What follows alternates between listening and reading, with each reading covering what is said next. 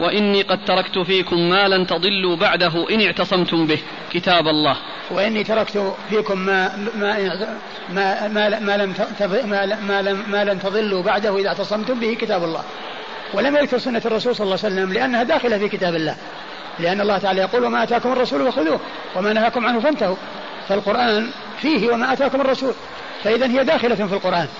والأمر بالاعتصام بالقرآن هو أمر بالاعتصام بالسنة لأن القرآن فيه وما أتاكم الرسول فخذوه وما نهاكم عنه فانتهوا. فالأخذ بالسنة أخذ بالقرآن.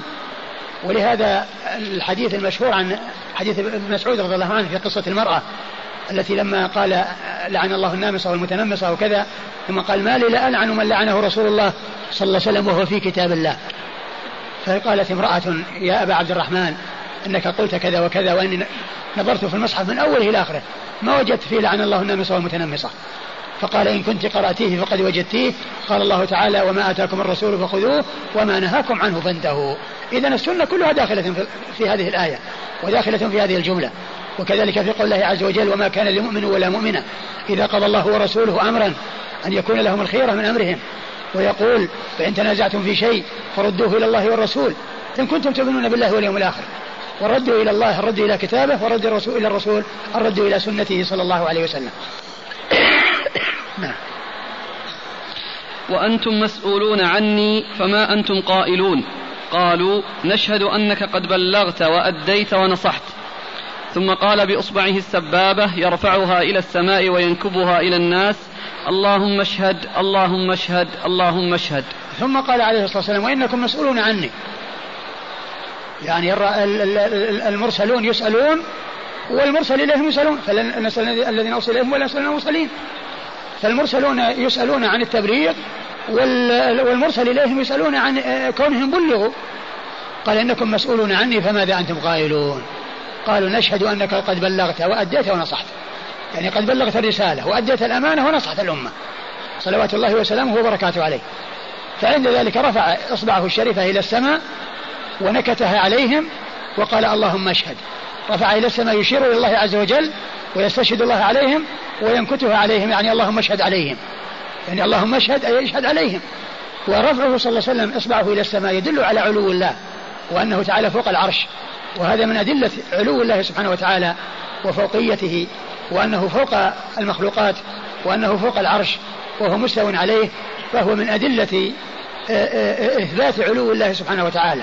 وأنه تعالى فوق عرشه مستو على على عرشه وفوق كل المخلوقات سبحانه وتعالى و فاستشهد الله عليهم وأشار إلى إلى إلى الله عز وجل وأشهده عليهم وينكته عليهم يعني المشهود عليهم يعني يرفع إصبعه للشاهد وينكت ينكت إصبعه على المشهود عليه. وهم أصحابه الذين قالوا نشهد أنك قد بلغت وأديت ونصحت. صلوات الله وسلامه وبركاته عليه ورضي الله عن الصحابة أجمعين. ثم أذن بلال رضي الله عنه ثم أقام فصلى الظهر ثم أقام فصلى العصر ولم يصلي بينهما شيئا.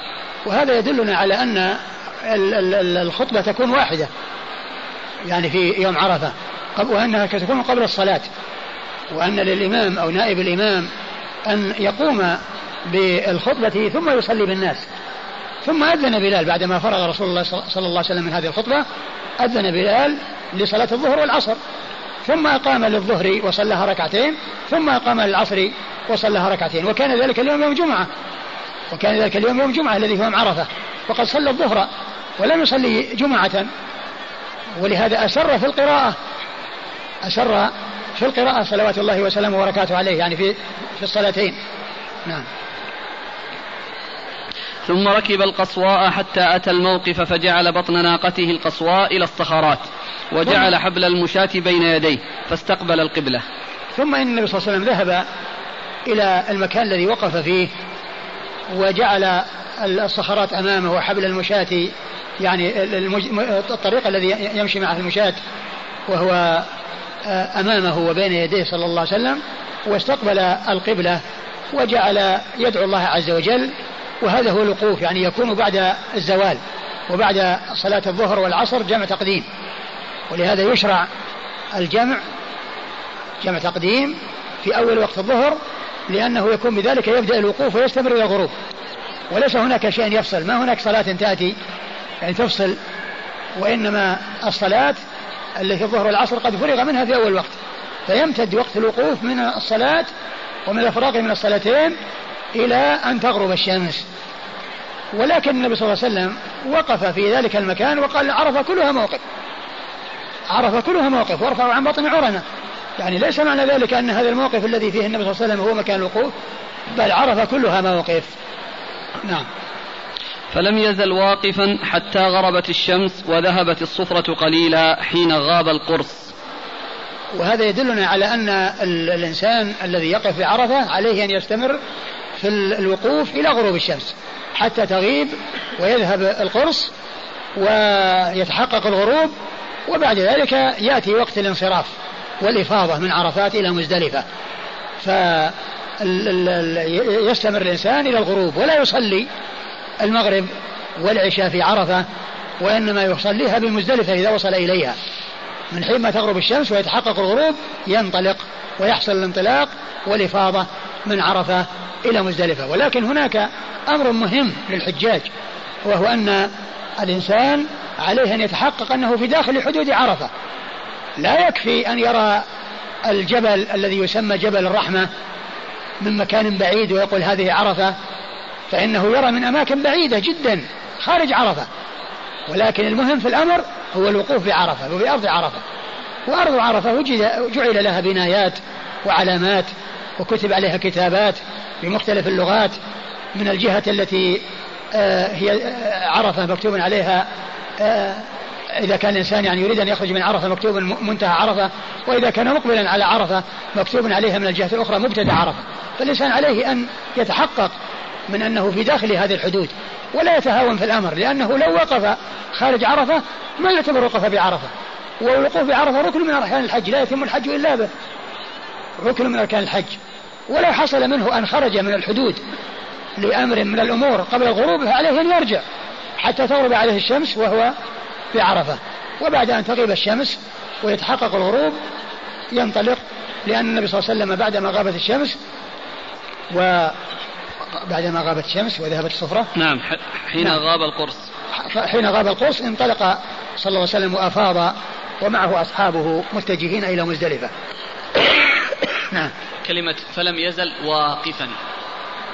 الوقوف يعني كما هو معلوم المكت بعرفة سواء يكون الإنسان واقف أو راكب أو جالس كل ذلك قال له وقوف الوقوف بعرفة ما هو معناه أن الإنسان يكون واقف على رجليه وإلا يعني آه، أن هذا هو المقصود وأنه لا يجلس لا يكون راكبا ويكون واقفا ويكون جالسا. كل ذلك يطلق عليه وقوف.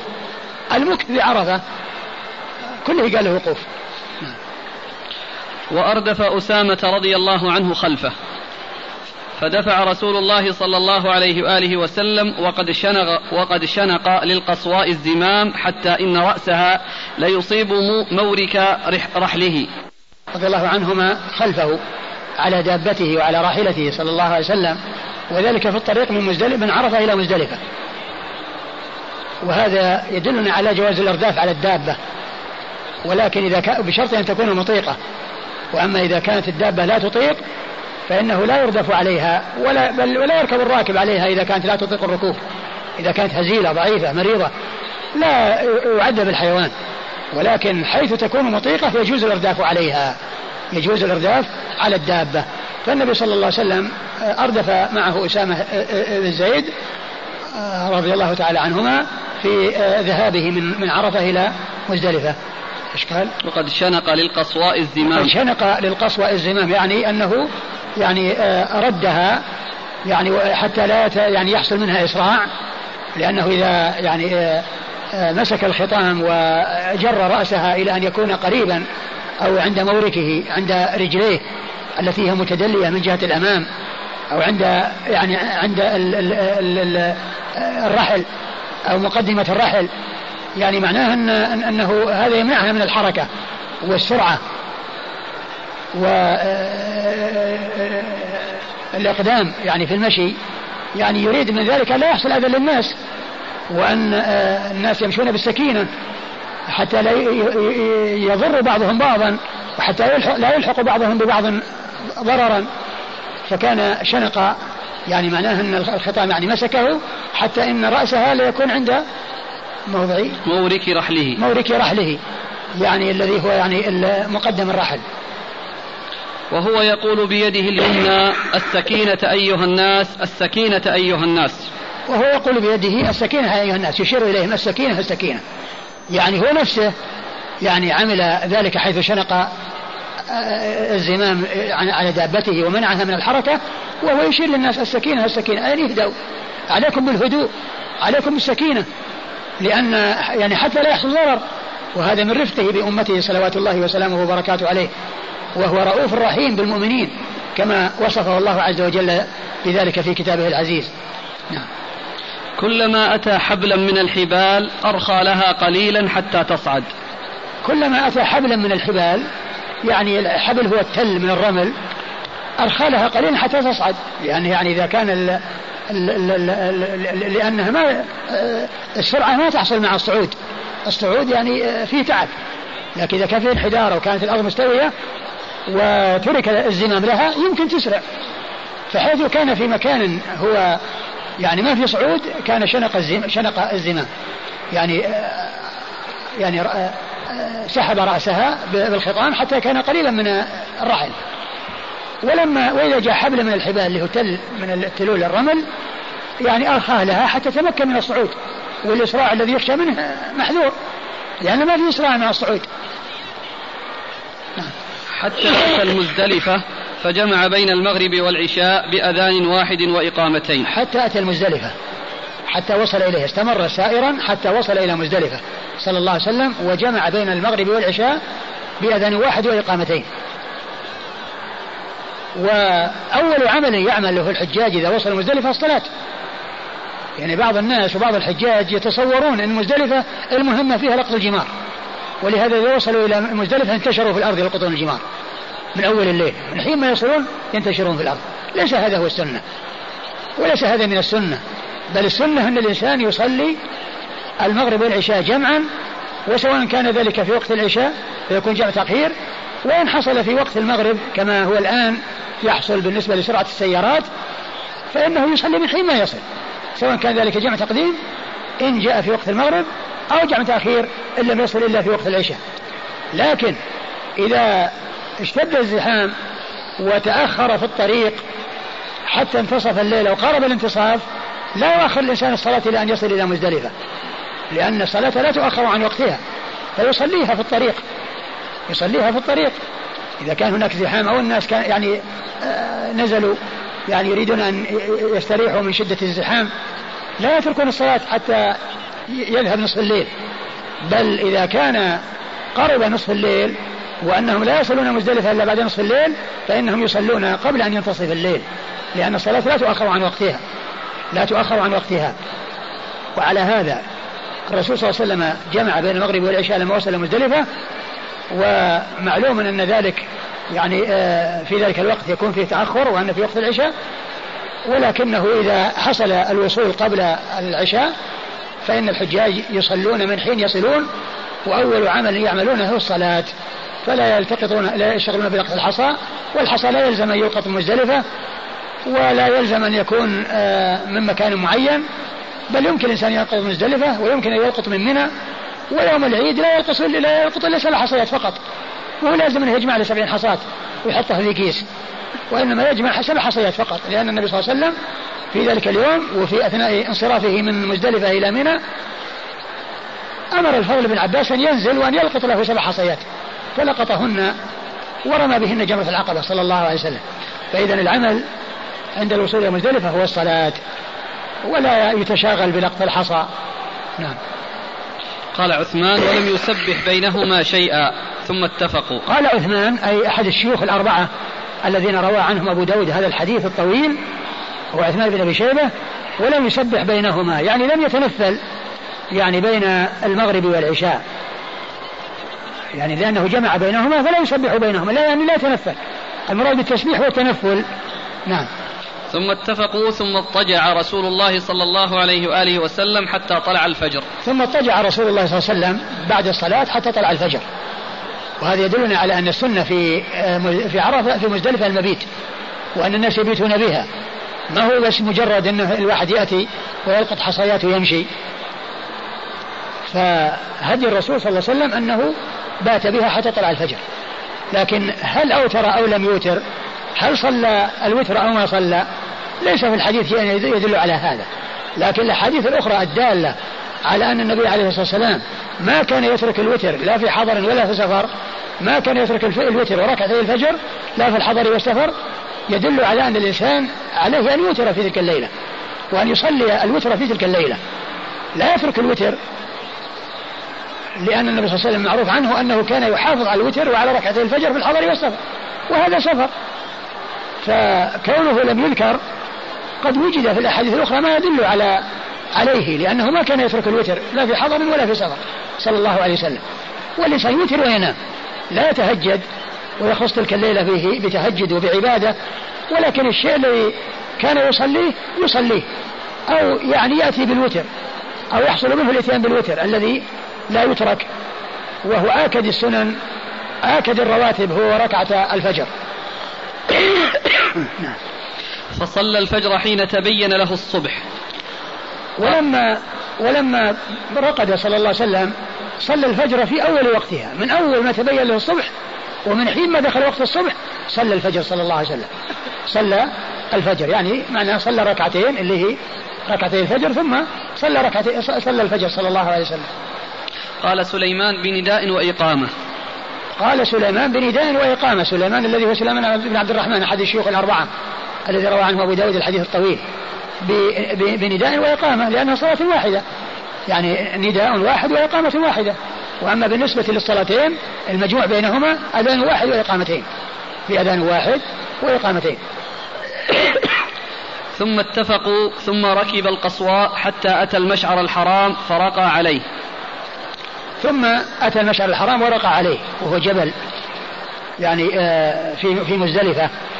ولكنه صلى الله عليه وسلم لما وقف هناك قال وقفت ها هنا وجمع كلها موقف. مثل ما قال في عرفة وقفت ها هنا وعرفة كلها موقف. قال في مزدلفة وقفت ها هنا وجمع كلها موقف. يعني معناه أن هذا الموقف الذي أنا فيه لا يلزم الناس أن يكونوا فيه. بل أي مكان وقفوا فيه مزدلفة فإنه قد حصل المقصود. نعم. قال عثمان وسليمان فاستقبل القبلة فحمد الله وكبره وهلله زاد عثمان ووحده فلم يزل واقفا حتى أسفر جدا.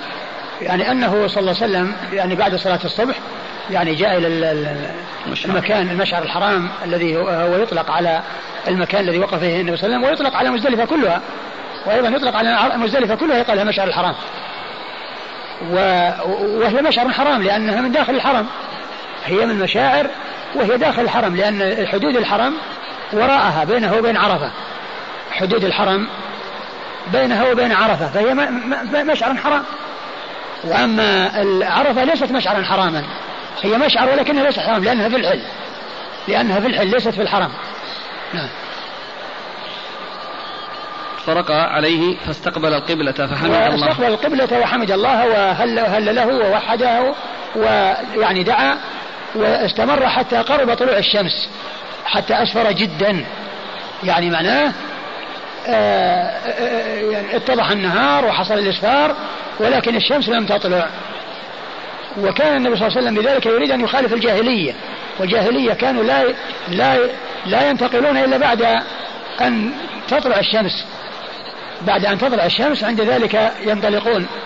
فالنبي صلى الله عليه وسلم أتى أو حصل منه المغادرة والانصراف قبل طلوع الشمس يعني حين حين أسفر جدا صلى الله عليه وسلم. ثم دفع رسول الله صلى الله عليه وآله وسلم قبل أن تطلع الشمس وأردف الفضل بن عباس رضي الله عنهما. وكان رجلا حسن الشعر أبيض وسيما. فلما دفع رسول الله صلى الله عليه وآله وسلم مر, مر الضعن يجرين. فطفق الفضل ينظر إليهن.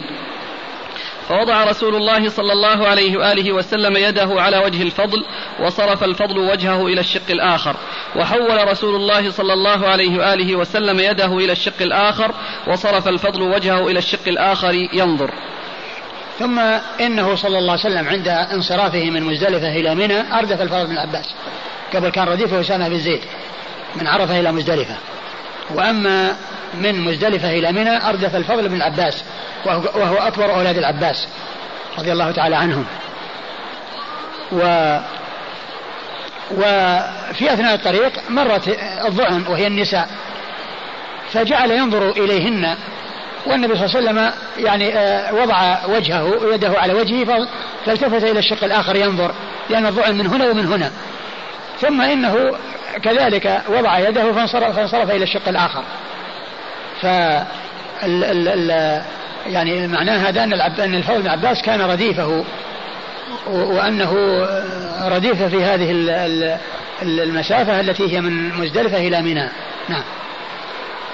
حتى أتى محسرا فحرك قليلا. حتى أتى محسرا وهو الوادي الذي يفصل بين مزدلفة وبين منى.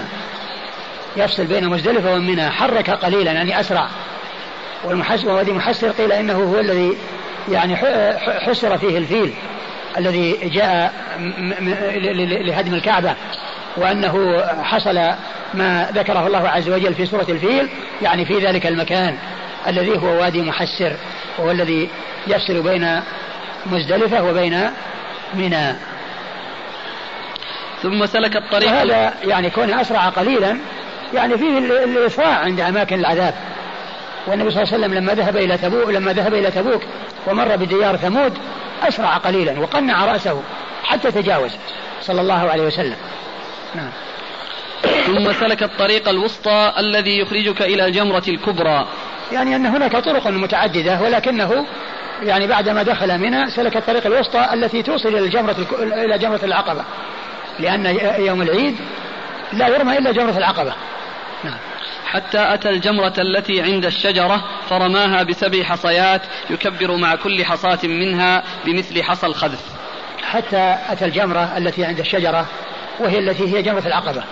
ويقال لها جمرة العقبة لأنها كانت موجودة في جبل وفي سفح جبل. وكان ذلك الجبل موجود إلى عام 1370 كان الجبل موجود والجمرة في سفحه والناس يأتون ويرمون من جهة واحدة التي هي من بطن الوادي.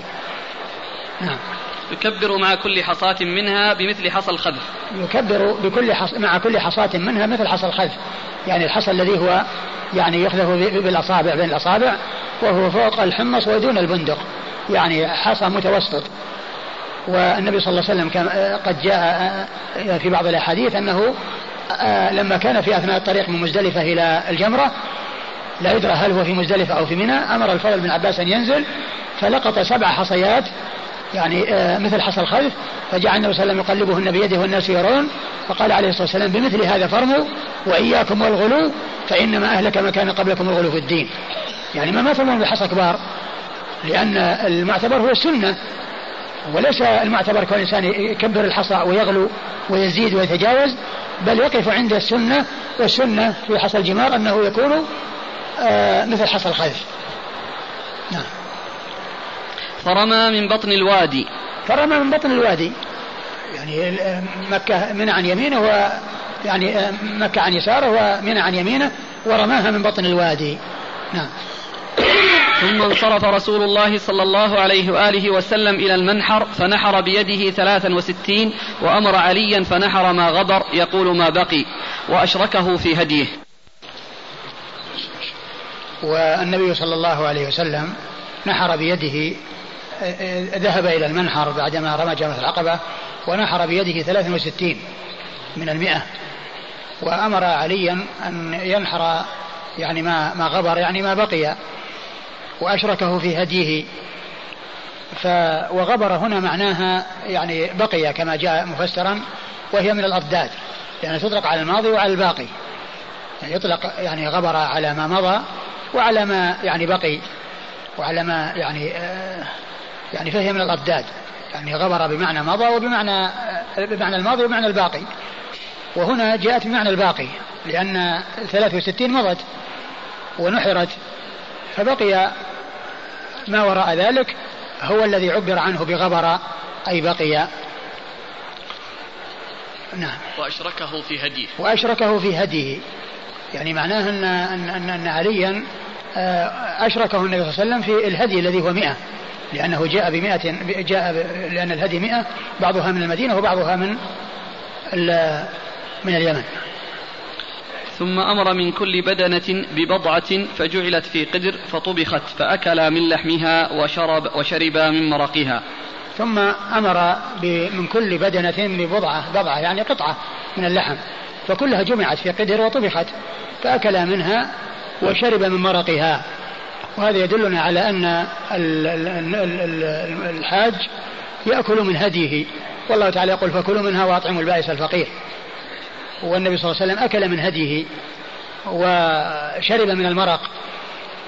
ومن المعلوم أنه أكل يعني يعني شيء من ذلك. والمرق يعني كما هو معلوم يعني ما دام طبخ في قدر فكله جاء من مجموع الهدي. وأما بالنسبة للحم فهي مئة بضعة. والنبي صلى الله عليه وسلم يعني إنما أكل يعني شيئا قليلا. وأما المرق فإنه من الجميع. وعلى هذا فالنبي صلى الله عليه وسلم لما جمعها يعني معناه أنه أراد أن يأكل من الجميع أو أن يستفيد من الجميع. ولا شك أن المرق حصل من الجميع والأكل آه إنما أكل آه حاجته. ومعلوم أنها جزء يسير من ذلك الشيء الكثير الذي هو مئة بضعة. قال سليمان ثم ركب ثم أفاض رسول الله صلى الله عليه وآله وسلم إلى البيت فصلى بمكة الظهر. وحصل الحلق قبل ذلك لأن النبي صلى الله عليه وسلم بعدما نحر حلق ثم أفاض ذهب إلى مكة لطواف الإفاضة. وعلى هذا فأعمال يوم النحر أربعة الرمي ثم النحر ثم الحلق ثم الطواف. وقال ثم ركب. نعم. نعم. ثم أفاض رسول الله صلى الله عليه وسلم إلى البيت فصلى بمكة الظهر. ثم أفاض إلى البيت وصلى بمكة. الظهر يعني أنه طاف وصلى الظهر في مكة صلى الله عليه وسلم. وطاف طواف الإفاضة فقط ولم يسعى بين الصفا والمروة لأنه كان قارنا وقد سعى مع طواف القدوم. والقارن وكذلك المفرد ليس عليهما إلا سعي واحد. إن سعوا مع طواف القدوم لا يسعون بعد الإفاضة وإن لم يسعوا مع القدوم أو لم يقدموا مكة إلا بعد عرفة ومزدلفة فإنهم بعدما يطوفون يسعون لأن القارن عليه سعيان عليه سعي واحد وطواف واحد وهو لحجه وعمرته والحاج عليه سعي واحد وطواف واحد لحجه. ثم أتى بني عبد المطلب وهم يسقون على زمزم فقال انزعوا بني عبد المطلب فلولا أن يغلبكم الناس على سقايتكم لنزعت معكم فناولوه دلوا فشرب منه. ثم إنه ذهب إلى بني عبد المطلب وهم ينزعون يعني يخرجون الماء من بئر زمزم ليسقوا الحجاج. فقال لولا أن تغلبكم الناس يعني لا نزعت. يعني الناس يقتدون بالنبي صلى الله عليه وسلم لو فعل يعني الناس يعملون كما يعمل وأنهم يقدمون على آه، اتباع النبي صلى الله عليه وسلم وأن يفعلوا مثل ما فعل. فناولوه دلوا فشرب منه صلى الله عليه وسلم. قال رحمه الله حدثنا عبد الله بن محمد النفيلي. عبد الله بن محمد النفيلي انتهى حديث جابر رضي الله تعالى عنه ونعود إلى الإسناد عبد الله بن محمد النفيلي ثقة أخرج حديثه البخاري وأصحاب السنن. وعثمان بن أبي شيبة. وعثمان بن أبي شيبة ثقة أخرج حديثه البخاري ومسلم وأبو داود والنسائي في آه، عمل اليوم والليلة وابن ماجه. وهشام بن عمار. وهشام بن عمار الدمشقي وهو صدوق أخرج حديثه البخاري وأصحاب السنن. وسليمان بن عبد الرحمن. وسليمان بن عبد الرحمن الدمشقي وهو صدوق أيضا أخرج له البخاري وأصحاب السنن. صدوق يخطئ. نعم. صدوق يخطئ. صدوق يخطئ أخرجه البخاري وأصحاب السنن. قال وربما زاد بعضهم على بعض الكلمة والشيء. قال وربما زاد بعضهم على بعض الكلمة والشيء يعني أن أكثر متفقين فيه. وربما زاد بعضهم على بعض الكلمة والشيء. وقد سبق أن مر أن أبا داود رحمة الله عليه أشار إلى أن فلان قال كذا وفلان قال كذا وفلان زاد كذا. نعم. عن حاتم بن إسماعيل. عن حاتم بن إسماعيل وهو صدوق يهم. يهم أخرج له أصحاب الكتب الستة. عن جعفر بن محمد. عن جعفر بن محمد وهو جعفر بن محمد بن علي بن الحسين رحمة الله عليه وهو صدوق أخرجه البخاري تعليقا ومسلم وأصحاب السنن. أخرجه البخاري في الأدب المفرد. أخرجه البخاري نعم في الأدب المفرد البخاري في الأدب المفرد ومسلم وأصحاب السنن. عن أبيه عن أبيه جعفر وعن أبيه محمد بن علي بن الحسين وهو ثقة أخرج له أصحاب الكتب الستة. عن جابر. عن جابر بن عبد الله الأنصاري رضي الله تعالى عنهما الصحابي الجليل وهو أحد السبعة المعروفين بكثرة الحديث عن النبي صلى الله عليه وسلم. كما الحديث والأسئلة. نعم. نسأل ولا؟ لا خلينا نواصل. قال حدثنا عبد الله بن مسلمة قال حدثنا سليمان يعني بن, يعني بن بلال قال حا وحدثنا أحمد بن حنبل قال حدثنا عبد الوهاب الثقفي. المعنى واحد. عن جعفر بن محمد عن أبيه أن النبي صلى الله عليه وآله وسلم صلى الظهر والعصر بأذان واحد بعرفة ولم يسبح بينهما وإقامتين وصلى المغرب والعشاء بجمع بأذان واحد وإقامتين ولم يسبح بينهما. ثم أورد طريقا أخرى لحديث جابر وهو مختصر. يعني وذكر فيه أنه أنه صلى الظهر والعصر بعرفة ولم يسبح بينهما وكان ذلك بأذان وإقامتين. وكذلك بالنسبة لمزدلفة صلى المغرب والعشاء بأذان واحد وإقامتين. وهو مرسل لأنه هنا انتهى إلى إلى إلى محمد ولم يذكر ولم يذكر جابرا. ولكنه آه، يعني قد جاء في الطريقة المتصلة آه، آه، كونه حصل ذلك بأذان واحد وإقامتين. قال حدثنا عبد الله بن مسلمة. عبد الله بن مسلمة القعنبي وهو ثقة أخرجه أصحاب الكتب الستة إلا ابن ماجه. عن سليمان يعني بن بلال. عن سليمان يعني بن بلال وهو ثقة أخرجه أصحاب الكتب الستة. قال حا وحدثنا أحمد بن حنبل. أحمد بن حنبل الإمام الفقيه المحدث أحد أصحاب المذاهب الأربعة من مذاهب أهل السنة وحديث أخرجه أصحاب الكتب الستة. عبد الوهاب الثقفي. عبد الوهاب بن عبد المجيد الثقفي ثقة أخرجه أصحاب الكتب الستة.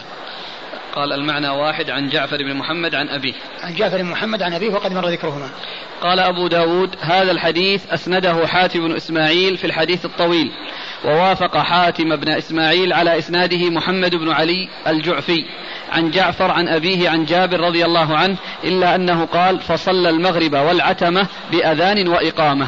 ثم أورد أبو داود أن هذا الذي أسنده أو هذا الذي ذكره في هذه الطريق أسنده حاتم إسماعيل في الحديث الطويل لأنه ذكر جابرا وهنا ما ذكر جابرا.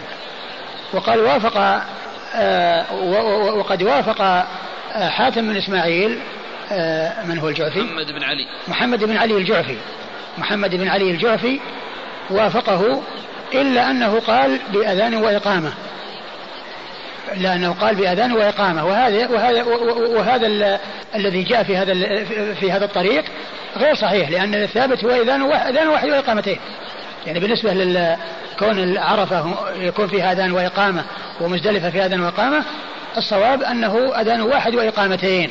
أذان للجميع وإقامة للظهر ثم العصر وإقامة ثم إقامة العصر وكذلك أذان للمغرب وإقامة للمغرب ثم إقامة للعشاء. فذكر الإقامة هنا غير صحيح لأنه مخالف يعني للرواية الأخرى. قال؟ قال أبو داود هذا الحديث أسنده حاتم بن إسماعيل في الحديث الطويل ووافق حاتم بن إسماعيل على إسناده محمد بن علي الجعفي. يعني وافق على إسناده لأن ذكر جابر. ولكنه خالف في هذه الفقرة التي هي غير صحيحة وهو كون أذان واحد وإقامة. لأنه يخالف الأذان الواحد والإقامتين. نعم. محمد بن علي الجعفي. محمد بن علي الجعفي هو؟ أنا ما عرفت. ما عرفته محمد بن علي كثير لكن الجعفي بهذا النسب ورجعت إلى ترجمة آه، جعفر من من تلاميذه لأنه هو الآن محمد بن علي الجعفي عن جعفر. نعم. ولم أجد هذا. وجدت محمد بن علي من تلاميذه؟ لا.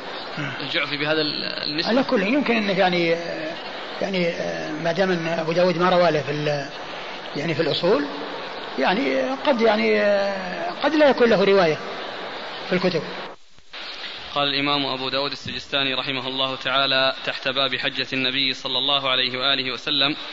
قال حدثنا أحمد بن حنبل قال حدثنا يحيى بن سعيد قال حدثنا جعفر قال حدثنا أبي عن جابر رضي الله عنه أنه قال ثم قال النبي صلى الله عليه وآله وسلم قد نحرتها هنا ومنى كلها منحر.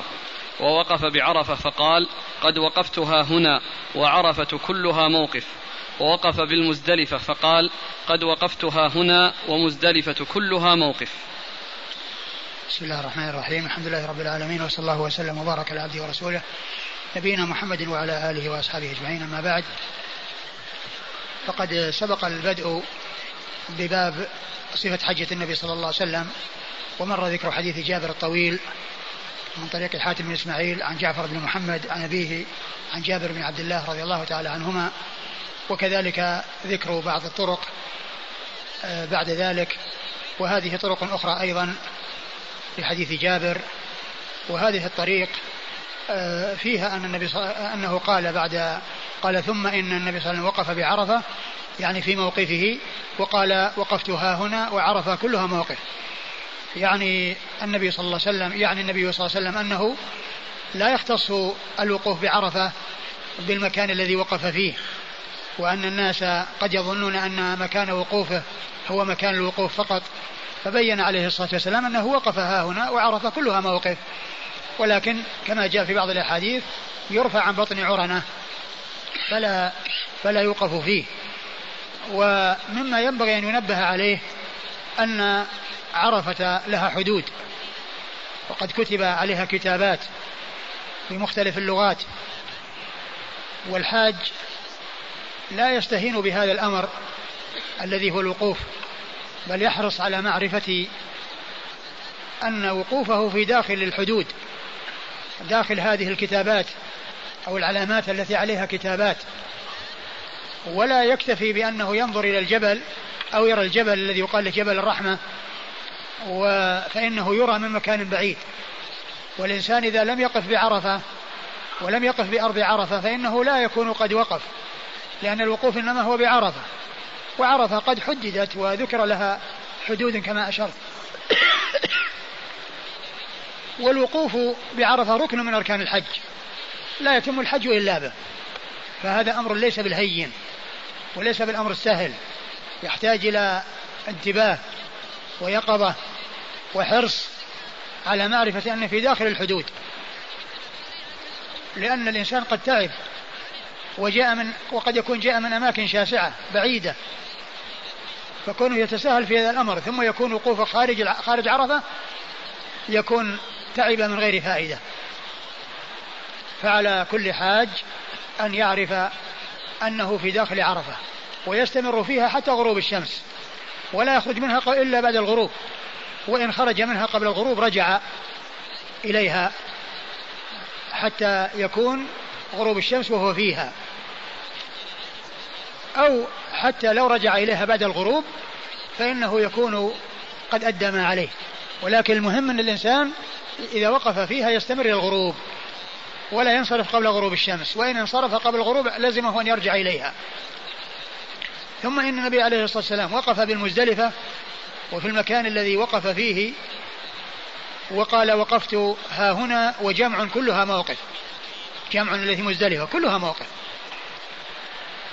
وقال نحرت؟ نعم. وقال نحرت ها هنا يعني في منى. ومنى كلها منحر. ومنى كلها منحر. يعني لا يختص النحر بالمكان الذي نحر فيه النبي عليه الصلاة والسلام. بل كل منها ينحر فيها. يعني في أي مكان منها. بل قد جاء كما سيأتي أن منى كلها منحر وفي جاج مكة كلها طريق ومنحر.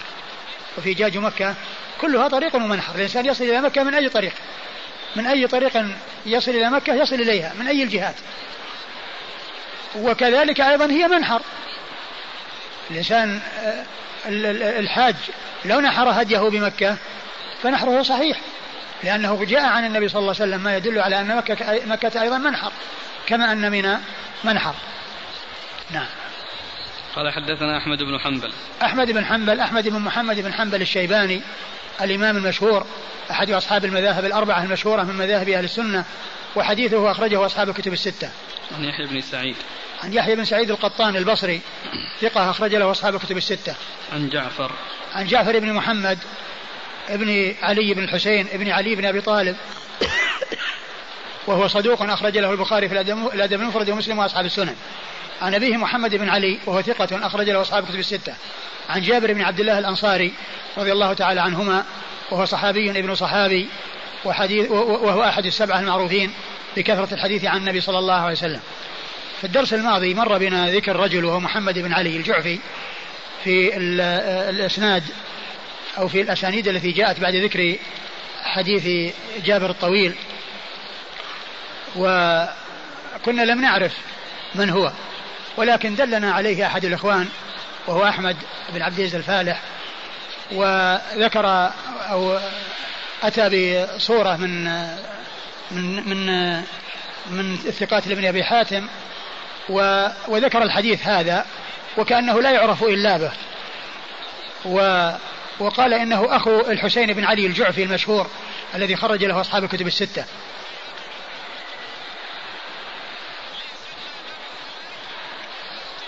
نقرأ هنا محمد بن علي الجعفي من أهل الكوفة. أخو حسين بن علي الجعفي يروي عن جعفر بن محمد عن أبيه. أنه قال سألت جابر بن عبد الله عن حجة النبي صلى الله عليه وسلم ثم ذكره بطوله. قال حدثنا محمد بن إسحاق الثقفي قال حدثنا أبو كريب قال حدثنا عبد الرحيم بن سليمان قال حدثنا محمد بن علي الجعفي. هو يقول المعلم يقول له ترجمة في التاريخ الكبير. في الكتاب الكبير؟ أي في التاريخ الكبير. إيه لا له هكذا. أي نعم.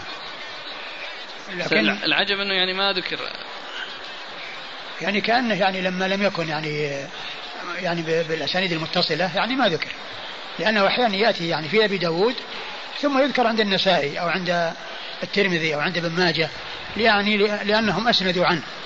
وكأن التعاليق الشخص إذا كان يعني لا يأتي إلا في التعاليق أنه لا يعني يترجم له. يعني هو كما تعلمون إنه يعني يذكر هؤلاء تمييز أحيانا إذا لم يكن له رواية. نعم. إذا صحيح يعني في يعني في التقريب. أي, أي نعم. وهو ما ذكر. لكنه يعني يعني كأنه لا يعرف إلا بهذا الحديث. ومعلوم أن ذكر ابن حبان في الثقات يعني لا يعني يعطي التوثيق. لأن كما ذكر الحافظ بن حجر في ترجمة عبد السلام بن أبي الجنوب قال يعني هو ضعيف قال ولا يغتر بذكر ابن حبان له في الثقات فقد ذكره في الضعفاء. ولا يغتر بذكر ابن حبان له في الثقات فقد ذكره في الضعفاء. الجزء التاسع صفحة صفحة 37 من الثقات من الثقات. الجزء التاسع. ما حد أخرجه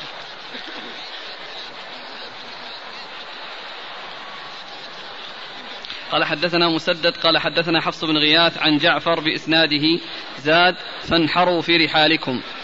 ثم أورد أبو داود الحديث من طريق أخرى. وفيه مثل الذي قبله وزاد فانحروا في رحالكم والرحال هي المساكن التي يسكنها الناس سواء كانت بيوت أو يعني خيام أو بيوت من شعر أو من قطن. يعني هذه قالها هي الرحال. فمساكن الناس في منى يقال لها رحال. وقد مر ذكر أو, أو يعني الحديث الذي فيه أن النبي صلى الله عليه وسلم ما صلى في مسجد الخير ووجد لما سلم وجد رجلين الفجر. يعني لم يصلي فدعا بهما فأتي بهما ترتاج فرأسهما فقال ما لكم لم تصليا قال صلينا في رحالنا. قال إذا أتيتما, أتيتما والإمام لم يصلي فصليا معه تكن لكما نافعا فالرحل هو منزل الإنسان. نعم. وقولوا في رحالكم يعني منازلكم في منى. يعني نحرتها هنا ومنى كلها منحر فانحروا في رحالكم. أي الأماكن التي أنتم ساكنون فيها في منى انحروا فيها. ما يلزمكم أن تذهبوا إلى مكان معين. لكن لكن لما كان الآن يعني لما حصل من الناس إهمال وعدم وتساهل في أمر الأنساك وأن الناس يأتون بالهدي ويذبحونه ويرمونه ثم ينتن ويلحق أذى بالناس صار أو صير إلى أنه يكون الذبح في مكان معين حتى لا يكون هذا الضرر الذي يلحق بالناس. وهذا في مصلحة هو سائغ أنه ينحر. ولكن كونه يترك الحبل على الغارب ثم يؤذي الناس بعضهم بعضا ويتأذون من الروائح الكريهة المنتنة بسبب الجيف التي تترك وتجيف وتصير يعني رائحتها منتنة آه هذا العمل الذي هو تخصيص الذبح وأنه يكون لمكان معين هذا في محله. لكن لو أن إنسان ذبح في محله و وأكل الذبيحة والسواقط هذه يعني دفنها أو يعني آه، رماها في صناديق آه، آه، النفايات يعني لا بأس بذلك. لكن الناس ما ما يراعون أو بعض الناس ما يراعون مثل هذه الأشياء. يذبحها ويتركها وخلاص. نعم قال حدثنا قال حدثنا مسدد. مسدد بن مسرهد البصري ثقة. أخرج حديث البخاري وأبو داود والترمذي والنسائي. عن حفص بن غياث. حفص بن غياث هو ثقة أخرج له. أصحاب الكتب. أصحاب الكتب الستة. عن جعفر بإسناده. عن جعفر بإسناده وقد مر. قال حدثنا يعقوب بن إبراهيم قال حدثنا يحيى بن سعيد القطان عن جعفر قال حدثني أبي عن جابر رضي الله عنه فذكر هذا الحديث وأدرج في الحديث عند قوله واتخذوا من مقام إبراهيم مصلى قال فقرأ فيهما بالتوحيد وقل يا أيها الكافرون وقال فيه قال علي رضي الله عنه بالكوفة قال أبي هذا الحرف لم يذكره جابر فذهبت محرشا وذكر قصة فاطمة رضي الله عنها ثم أورد الحديث من طريق أخرى. وفيه آه، آه، بعض الزيادات وأن فيه يعني إدراج يعني فيه يعني هذه الرواية وأنه قرأ بالتوحيد وقل هو الله أحد. التوحيد وقل هو الله أحد. قل يا أيها الكافرون. وقل يا أيها الكافرون بالتوحيد يعني بسورة الإخلاص. وقل هو وقل يا أيها الكافرون قرأ بالتوحيد وقل يا أيها الكافرون. يعني معناه أنه قرأ بقل هو الله أحد. لكن هذا جاء في الروايات الأخرى. أقول جاء في الرواية الأخرى التي سبق أن مرت أنه قرأ بالسورتين نعم. يقول وأيضا قال في حرف أنه نعم. لم يذكره يعني لم يذكره في هذه الرواية وإنه سبق أن مر في رواية حاتم بن إسماعيل. نعم.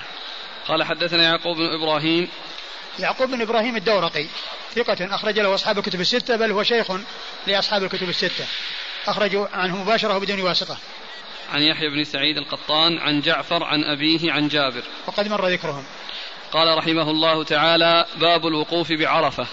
قال حدثنا هناد عن أبي معاوية عن هشام بن عروة عن أبيه عن عائشة رضي الله عنها أنها قالت كانت قريش ومن دان دينها يقفون بالمزدلفة وكانوا يسمون الحمص. وكان سائر العرب يقفون بعرفة. قالت فلما جاء الإسلام أمر الله تعالى نبيه صلى الله عليه وآله وسلم أن يأتي عرفات فيقف فيقف بها ثم يفيض منها. فذلك قوله تعالى ثم أفيضوا من حيث أفاض الناس. ثم ورد أبو داود رحمه الله الوقوف بعرفة. والوقوف بعرفة ركن من أركان الحج لا يتم الحج إلا به. ومن فاته الوقوف فاته الحج. الإنسان إذا جاء حاجا ثم طلع الفجر من ليلة العيد وهو لم يصل إلى عرفة فإنه فاتح الحج ويتحول إلى عمرة. يعني يفسخ حرامه بالحج إلى عمرة ويتحلل. فقد فاته الحج فهو ركن لا يتم الحج إلا به. أورد أبو داود حديث عائشة رضي الله عنها أن قريشا ومن دان دينها يعني من تابعهم على ما هم عليه أنهم كانوا يقفون بالمزدلفة. ولا يتجاوزون مزدلفة إلى عرفة. وكان يقال لهم الحمس وقيل انه ماخوذ من الحماسة والشجاعة والقوة. وكان سائر العرب تقف بعرفة. فلما جاء الإسلام أمر الله نبيه أن يقف بعرفة. وألا يكون على هذا الذي كانت عليه قريش. ثم ذكر أن الآية نزلت وهي قوله ثم أفيضوا من حيث أفاض الناس يعني سائر الناس أو غالبية الناس اللي هم غير قريش. فصار الحكم الشرعي هو أن الوقوف يكون بعرفة وأنه لا يجوز أن يقتصر على مزدلفة كما كانت قريش تفعل في الجاهلية. وكانوا يقفون في المزدلفة ويقولون إنهم أهل الحرم فلا يتجاوزون الحرم وأنهم يبقون في الحرم. وكانت يعني الشرائع السابقة والناس يعني يحجون ويقفون بعرفة. والإسلام جاء بأن يوقف بعرفة وأن يفيض وأن يفيض النبي صلى الله عليه وسلم من حيث أفاض الناس. أي الذين هم سائر الناس غير قريش الذين كانوا يقفون بالمزدلفة. نعم. قال حدثنا هناد هناد بن السري أبو السري ثقة أخرج حديث البخاري في خلق أفعال العباد ومسلم وأصحاب السنن عن أبي معاوية أبي معاوية محمد بن خازم الضرير الكوفي وهو ثقة أخرج له أصحاب الكتب الستة. عن هشام بن عروة. هشام بن عروة ثقة أخرج له أصحاب الكتب الستة. عن أبيه عروة بن الزبير بن العوام ثقة فقيه أحد فقهاء المدينة السبعة في عصر التابعين. أخرج حديثه أصحاب الكتب الستة. عن أم المؤمنين عائشة الصديقة بنت الصديق رضي الله عنها وأرضاها. وهي واحدة من سبعة أشخاص عرفوا بكثرة الحديث عن النبي صلى الله عليه وسلم. قال رحمه الله تعالى باب الخروج إلى منى. قال حدثنا زهير بن حرب قال حدثنا الأحوص بن جواب الضبي قال حدثنا عمار بن زريق عن عن سليمان الأعمش عن الحكم. عمار؟ ها؟ عمار إيه. ابن رزيق. تقديم الراء.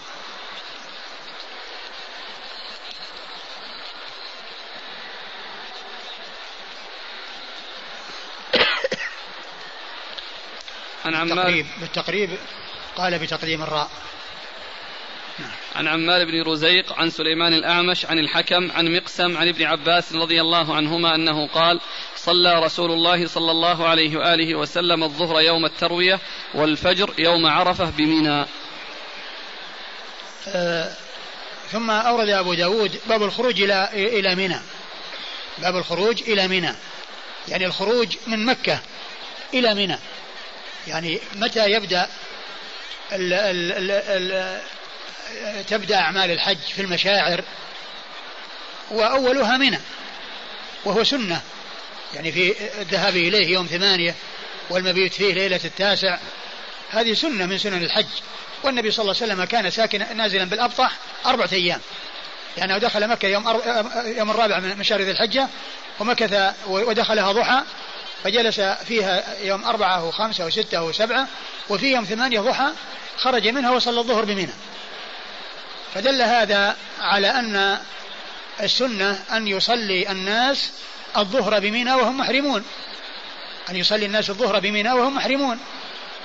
وأن الذين كانوا متحللين وكذلك أهل مكة الذين يريدون الحج يحرمون من منازلهم في اليوم الثامن ويذهبون إلى منى ويصلون بها الظهر.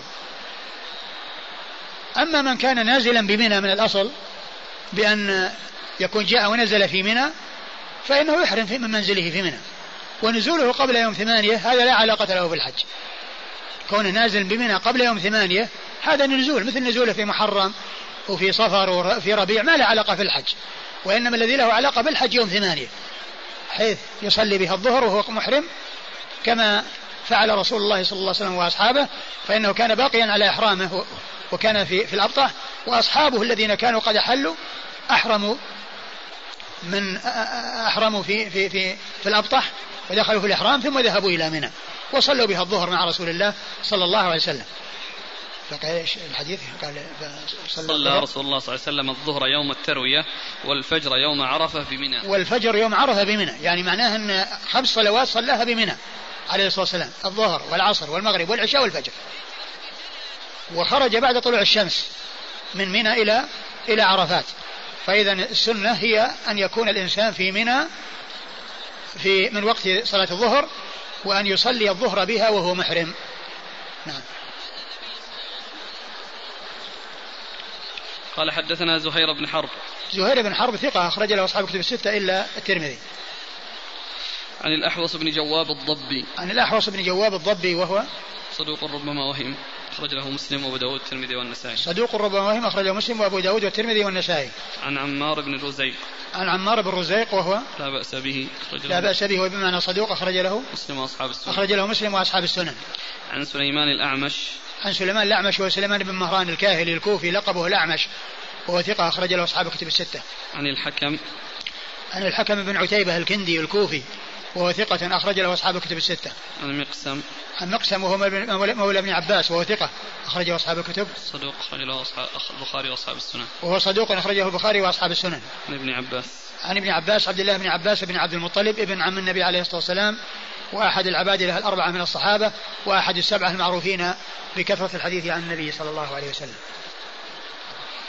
قال حدثنا أحمد بن إبراهيم قال حدثنا إسحاق الأزرق عن سفيان عن عبد العزيز بن رفيع أنه قال سألت أنس بن مالك رضي الله عنه قلت أخبرني بشيء عقلته عن رسول الله صلى الله عليه وآله وسلم.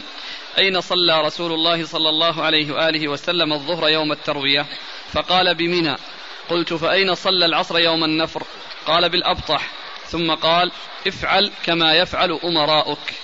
ثم أورد أبو داود حديث أنس بن مالك رضي الله عنه وقد سأله عبد العزيز بن رفيع أخبرني بشيء عقلته عن رسول الله صلى الله عليه وسلم آه، أين صلى الظهر أين صلى الظهر يوم التروية؟ فقال بمنى. أين صلى الظهر يوم التروية؟ قال بمنى. ثم قال أين صلى العصر يوم النفر؟ أي النفر الثاني. والنفر الثاني النبي صلى الله عليه وسلم تأخر إلى اليوم الثالث عشر. لأن أيام التش... يوم الأيام أيام الذبح وأيام النحر أربعة يوم العيد وهو يوم يوم النحر وهو يوم الحج الأكبر ويوم الحادي عشر وهو يقال له يوم القر لأن الناس مستقرين بمنى كل الحجاج قروا بمنى واستقروا بها ما فيه نفر ولا فيه يعني لابد من المكث في منى. قروا يوم القر واليوم الثاني عشر هو يوم النفر الأول اللي هو التعجل. واليوم الثالث عشر هو يوم النفر الثاني الذي يكون من تأخر وأراد أن يجلس في منى ثلاثة أيام بعد يوم العيد ويرمي الجمار بعد الزوال ينفر. والنبي صلى الله عليه وسلم صلى العصر في يوم النفر لما نفر من منى بعد رمي الجمار يعني بعد الزوال سأله عن صلاة العصر أين كانت فقال في في الأبطح. في الأبطح الذي هو المحصب الذي كان نازلا فيه أول. لما قدم من المدينة وجلس فيه أربعة أيام رجع إليه وبات به تلك الليلة ثم إنه آه، سافر إلى المدينة بعد أن طاف طواف الوداع. ثم قال افعل كما يفعل أمراءك. ثم قال افعل كما يفعل أمراءك افعل كما يفعل أمراءك يعني أن, ال ال أن ال ال الإنسان يعني يتابع الأمراء يعني فيما هو سائغ وفيما هو مشروع. وكون الإنسان إذا يعني كونه يتعجل له أن يتعجل ولا يعني ينتظر إلى ذلك اليوم الذي مكث فيه الرسول صلى الله عليه وسلم. ثم أيضا كون الناس ينزلون بالأبطح ما هو لازم الناس ينزلون بالأبطح؟ لأن النزول بالأبطح كما سيأتي آه، ليس ليس من سنن الحج وليس من المناسك وإنما كان ينزل به لأنه أهيأ لطريقه صلى الله عليه وسلم. وفي المسألة خلاف لكن آه، الأوضح أنه ليس نسك. وأن الناس لا يسن لهم أن ينزلوا بالأبطح. لأن النبي صلى الله عليه وسلم نزل فيه في الأول ونزل فيه في الآخر لأنه أسهل لطريقه صلى الله عليه وسلم. نعم. قال حدثنا أحمد بن إبراهيم. أحمد بن إبراهيم هو الدورقي وهو ثقة أخرج له مسلم وأبو داود والترمذي وابن ماجه. مسلم وأبو داود والترمذي وابن ماجه. عن إسحاق الأزرق. عن إسحاق بن يوسف الأزرق وهو ثقة أخرج له أصحاب الكتب الستة. عن سفيان. عن سفيان وهو الثوري سفيان بن سعيد بن مسروق الثوري ثقة فقيه أخرج له أصحاب الكتب الستة. عن عبد العزيز بن رفيع. عبد العزيز بن رفيع ثقة أخرج له أصحاب الكتب الستة. عن أنس. عن أنس بن مالك رضي الله عنه خادم رسول الله عليه الصلاة والسلام وأحد السبعة المعروفين بكثرة الحديث عن النبي صلى الله عليه وسلم. قال رحمه الله تعالى باب الخروج إلى عرفة. قال حدثنا أحمد بن حنبل قال حدثنا يعقوب قال حدثنا أبي عن ابن إسحاق قال حدثني نافع عن ابن عمر رضي الله عنهما أنه قال غدا رسول الله صلى الله عليه وآله وسلم من منى حين, حين صلى الصبح صبيحة يوم, يوم عرفة. حتى أتى عرفة فنزل, فنزل بنمرة وهي منزل الإمام الذي ينزل به بعرفة. حتى إذا كان عند صلاة الظهر راح رسول الله صلى الله عليه وآله وسلم مهجرا فجمع بين الظهر والعصر ثم خطب الناس ثم راح فوقف على الموقف من عرفة. ثم أورد أبو داود باب الخروج إلى عرفة. يعني الخروج من منى. الخروج من منى إلى عرفة ويكون في صبيحة يوم عرفة. ويكون ذلك بعد طلوع الشمس كما جاءت بذلك السنة عن رسول الله صلى الله عليه وسلم. والرسول عليه الصلاة والسلام نزل بنمرة وهي قريبة من عرفة. ولكن النزول بها يعني ليس أمرا لازما فالناس يمكن أن يذهبوا إلى عرفة وينزلوا بها وينزلوا بها وينزلوا في منازلهم في عرفة. ومن تيسر له أن يأتي ويحضر إلى المسجد ويصلي مع نائب الإمام الذي يصلي في مسجد نمرة ويستمع الخطبة فهذا حسن. وإلا فإن الإنسان يكون في أي مكان من عرفة ويستقر في ذلك ويبقى حتى غروب الشمس ويبقى حتى غروب الشمس. والنبي صلى الله عليه وسلم كان نزل بنمرة ولما زالت الشمس يعني تقدم وصلى وصلى بالناس ثم إنه قال خطب الناس. قد سبق أن مر في حديث جابر أنه خطبهم في الأول وليس ولم يخطب في الثاني. فيحتمل أن يكون يعني هذا الذي الخطبة الثانية غير محفوظة وأن الخطبة الأولى هي المحفوظة التي قبل الصلاة أو أنه تحدث معهم بشيء يتعلق بالمناسك يعني فقيل له خطبة. وإلا فإنه لا ليس هناك خطبتان خطبة قبل الصلاة وخطبة بعد الصلاة وإنما الخطبة قبل الصلاة. كما سبق أن مر في حديث جابر الطويل الذي ذكر فيه يعني جملة مما اشتملت عليه الخطبة أن دماءكم وأموالكم وأعراضكم عليكم حرام إلى آخره. فإما أن تكون يعني هذه ذكر الصلاة أنها غير محفوظة بعد الصلاة أو أن المقصود بها أنه تحدث معهم بشيء يتعلق فسمي خطبة. نعم. ثم راح فوقف على الموقف بعرفة. ثم راح يعني مشى بعد الزوال حتى وقف في المكان الذي وقف فيه. وقد قال عليه الصلاة والسلام كما عرفنا وقفت ها هنا وعرف, وعرف كلها موقف. نعم. قال حدثنا أحمد بن حنبل عن يعقوب. يعقوب بن إبراهيم بن سعد. ثقة أخرج له أصحاب الكتب الستة. عن أبيه. عن أبيه وهو ثقة أخرج له أصحاب الكتب الستة. عن ابن إسحاق. عن ابن إسحاق محمد بن إسحاق صدوق أخرجه البخاري تعليقا ومسلم وأصحاب السنن. عن نافع. عن نافع مولى بن عمر وهو ثقة أخرج له أصحاب الكتب الستة. عن عبد الله بن عمر بن الخطاب رضي الله عنهما أحد العباد له الأربعة من الصحابة وأحد السبعة المعروفين بكثرة الحديث عن النبي صلى الله عليه وسلم.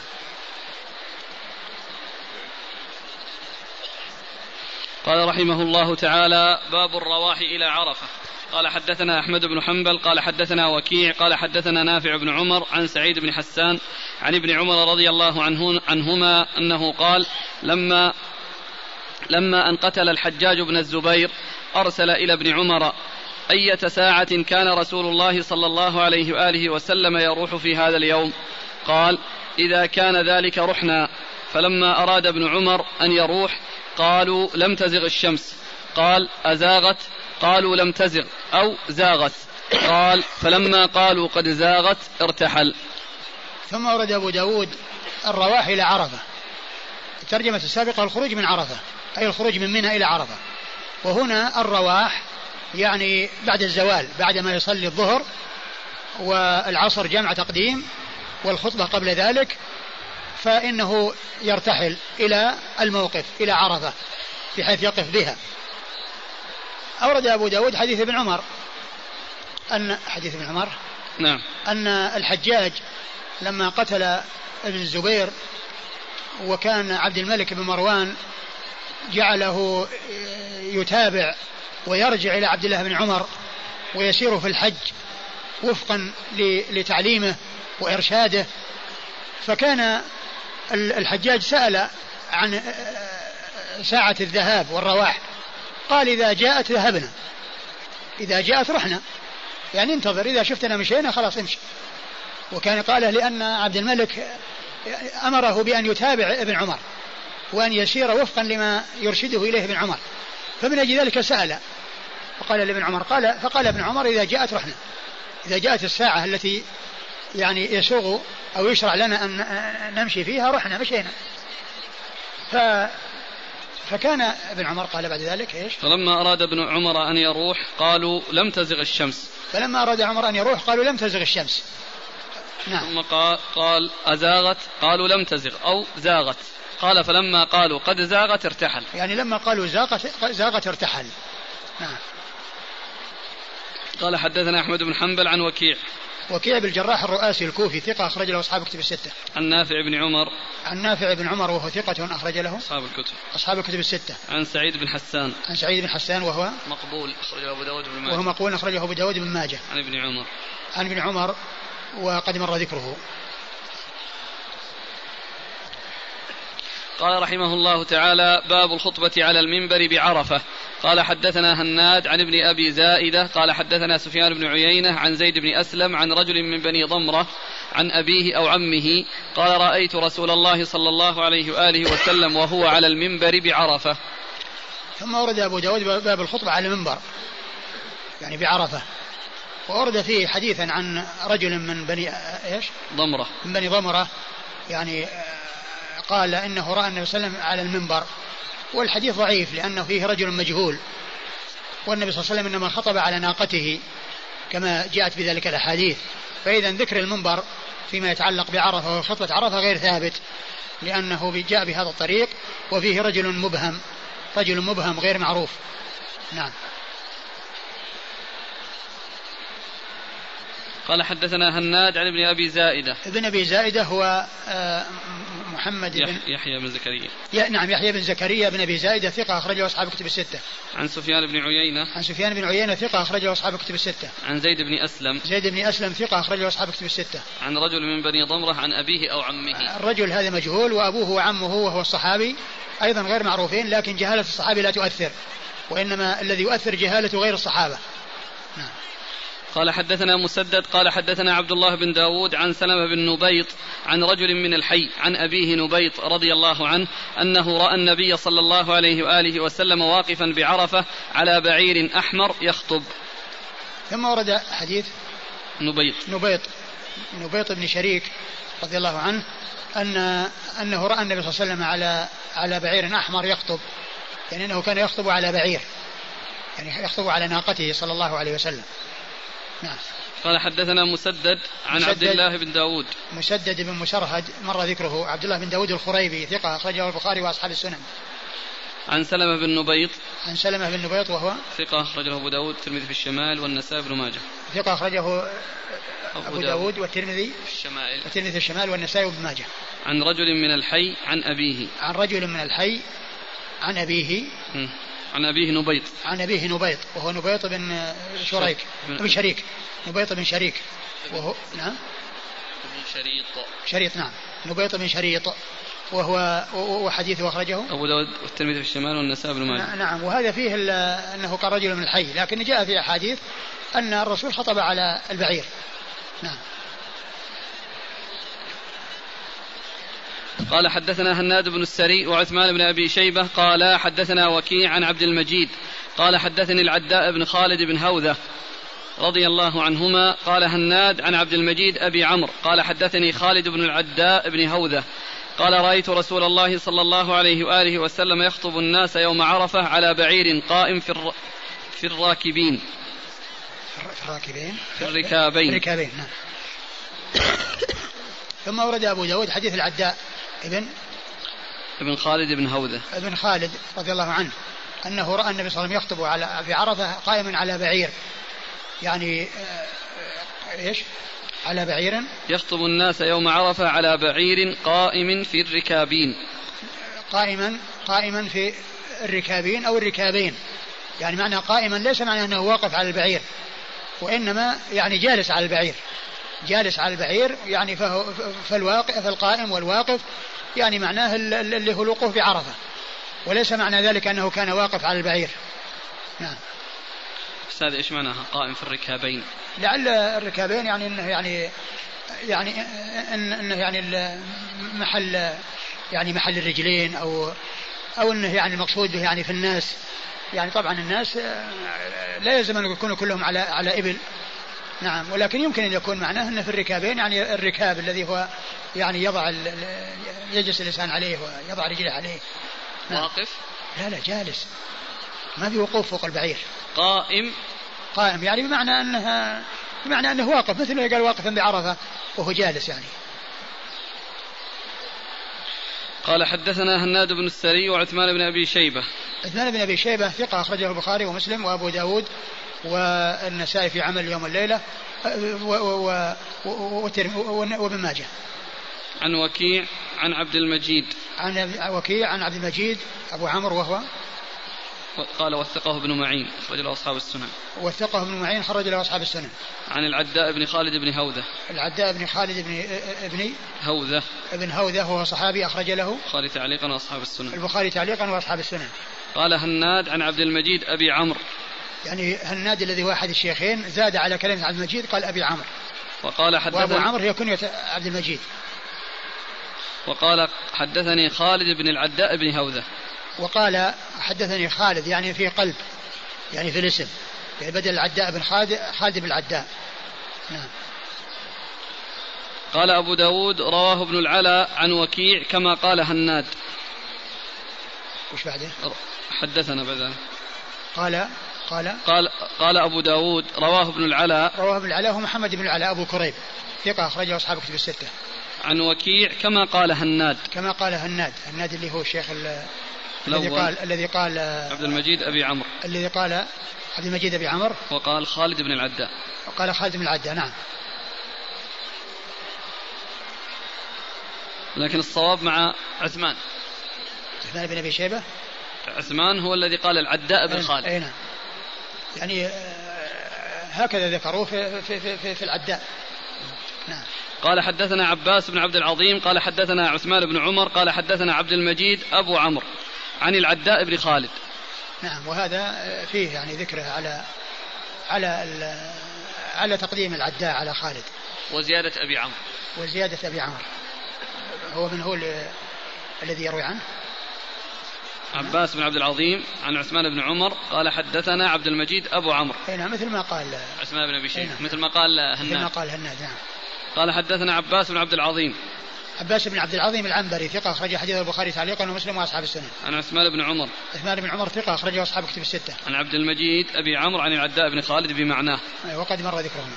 قال رحمه الله تعالى باب موضع الوقوف بعرفة قال حدثنا ابن نفيل قال حدثنا سفيان عن عمرو يعني بن دينار عن عمرو بن عبد الله بن صفوان عن يزيد بن شيبان رضي الله عنه أنه قال أتانا أتانا ابن مربع الأنصاري رضي الله عنه ونحن بعرفة في مكان يباعده عمرو عن الإمام فقال أما إني رسول رسول الله صلى الله عليه وآله وسلم إليكم يقول لكم قفوا على مشاعركم فإنكم على إرث من إرث أبيكم إبراهيم.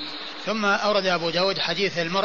ابن مربع وقيل زيد وقيل يزيد رضي الله عنه أن أن من الذي قال كان يباعده؟ عمرو.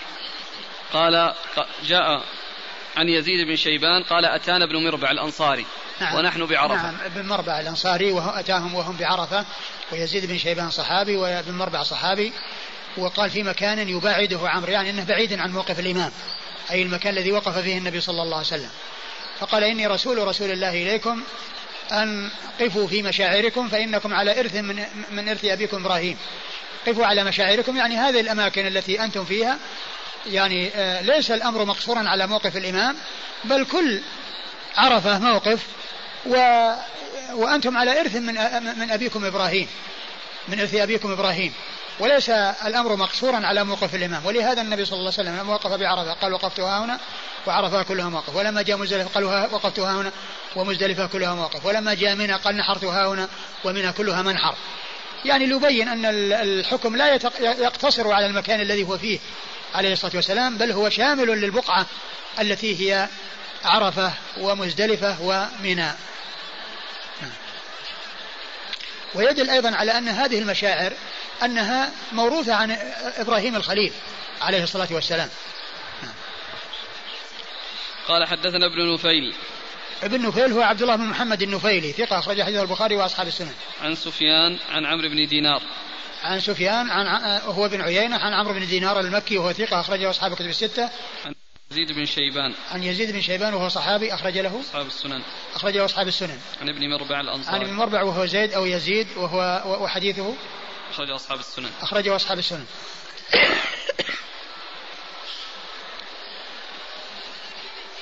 كان أحد الإخوان مرة سأل كيف كان أصحاب النبي صلى الله عليه وسلم يسمعون خطبته مع هذا الجمع الغفير؟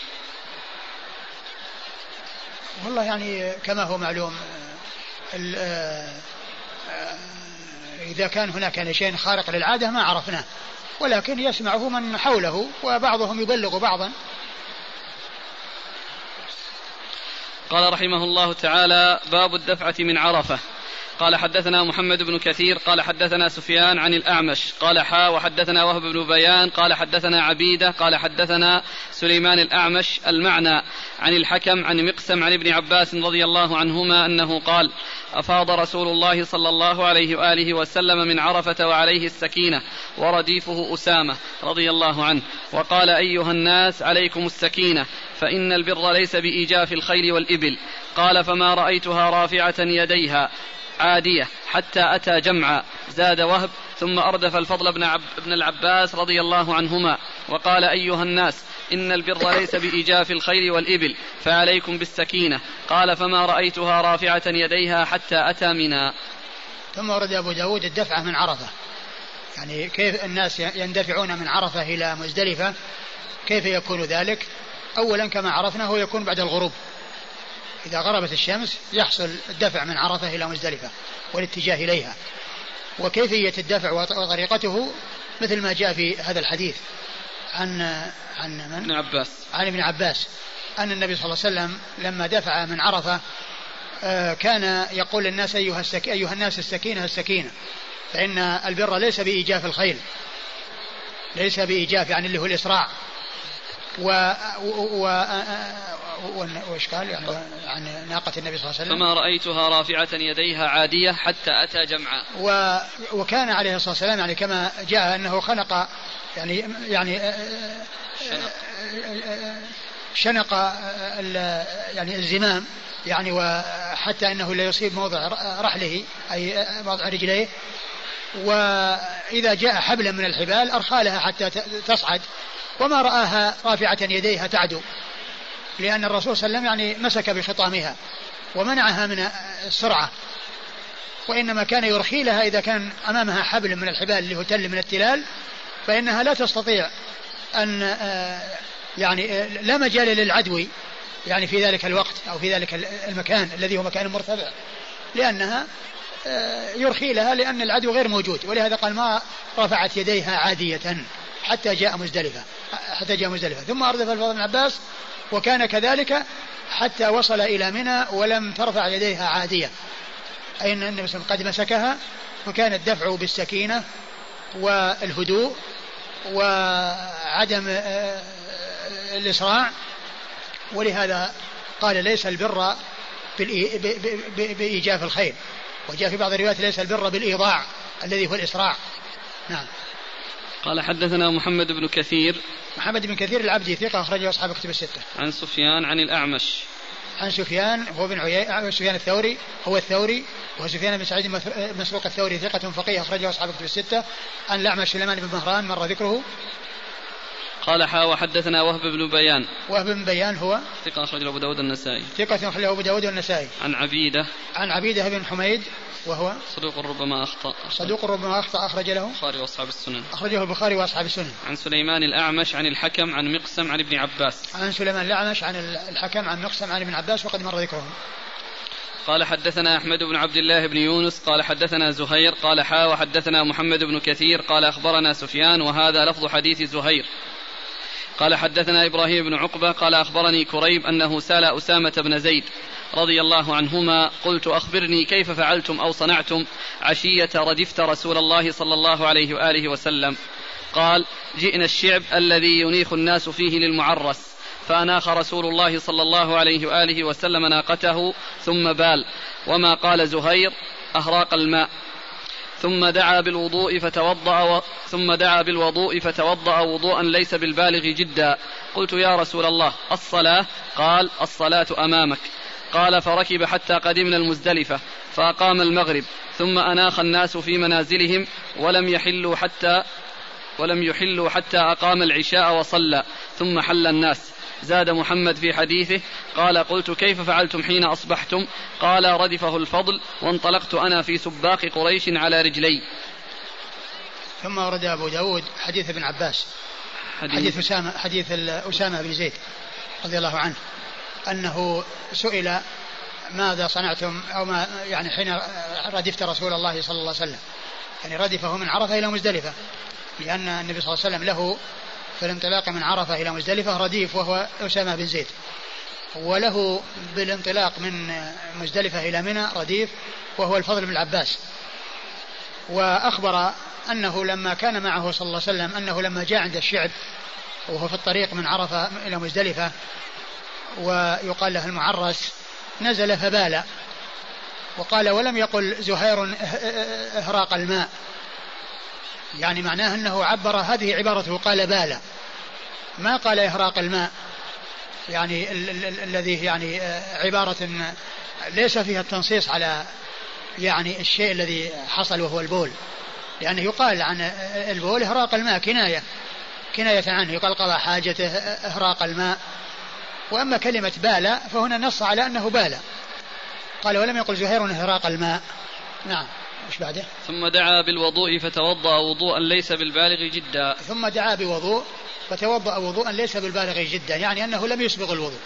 وقيل إنه يحتمل أن يكون وضوءا لغويا وهو كونه يعني غسل يديه ويحتمل أن يكون وضوءا آه، شرعيا الذي هو غسل الأعضاء أعضاء الوضوء ولكنه ليس فيه تكرار وليس فيه إسباغ. نعم. قلت يا رسول الله الصلاة قلت يا رسول الله الصلاة. وقوله قلت يا رسول الله الصلاة يعني كأنه يشير بأنه وضوء شرعي لأنه نبهه على الصلاة وأنه يعني على أنه يصلي وكأنه يعني آه، آه، أراد أن ينبهه على ذلك فالنبي صلى الله عليه وسلم قال الصلاة أمامك. يعني معناه أن نصلي أمام وليس الصلاة هنا. وهذا يدلنا على أن الحجاج يصلون بمزدلفة وأنهم يؤخرون الصلاة إلى مزدلفة. ولا يصلون لا بعرفة ولا في الطريق. اللهم إلا إن جاء نصف الليل وهم لم يصلوا إلى مزدلفة فإنهم يصلون قبل أن ينتصف الليل لأن آخر لأن العشاء ينتهي وقتها بنصف الليل. ينتهي وقتها بنصف الليل. فلا تؤخر الصلاة عن وقتها.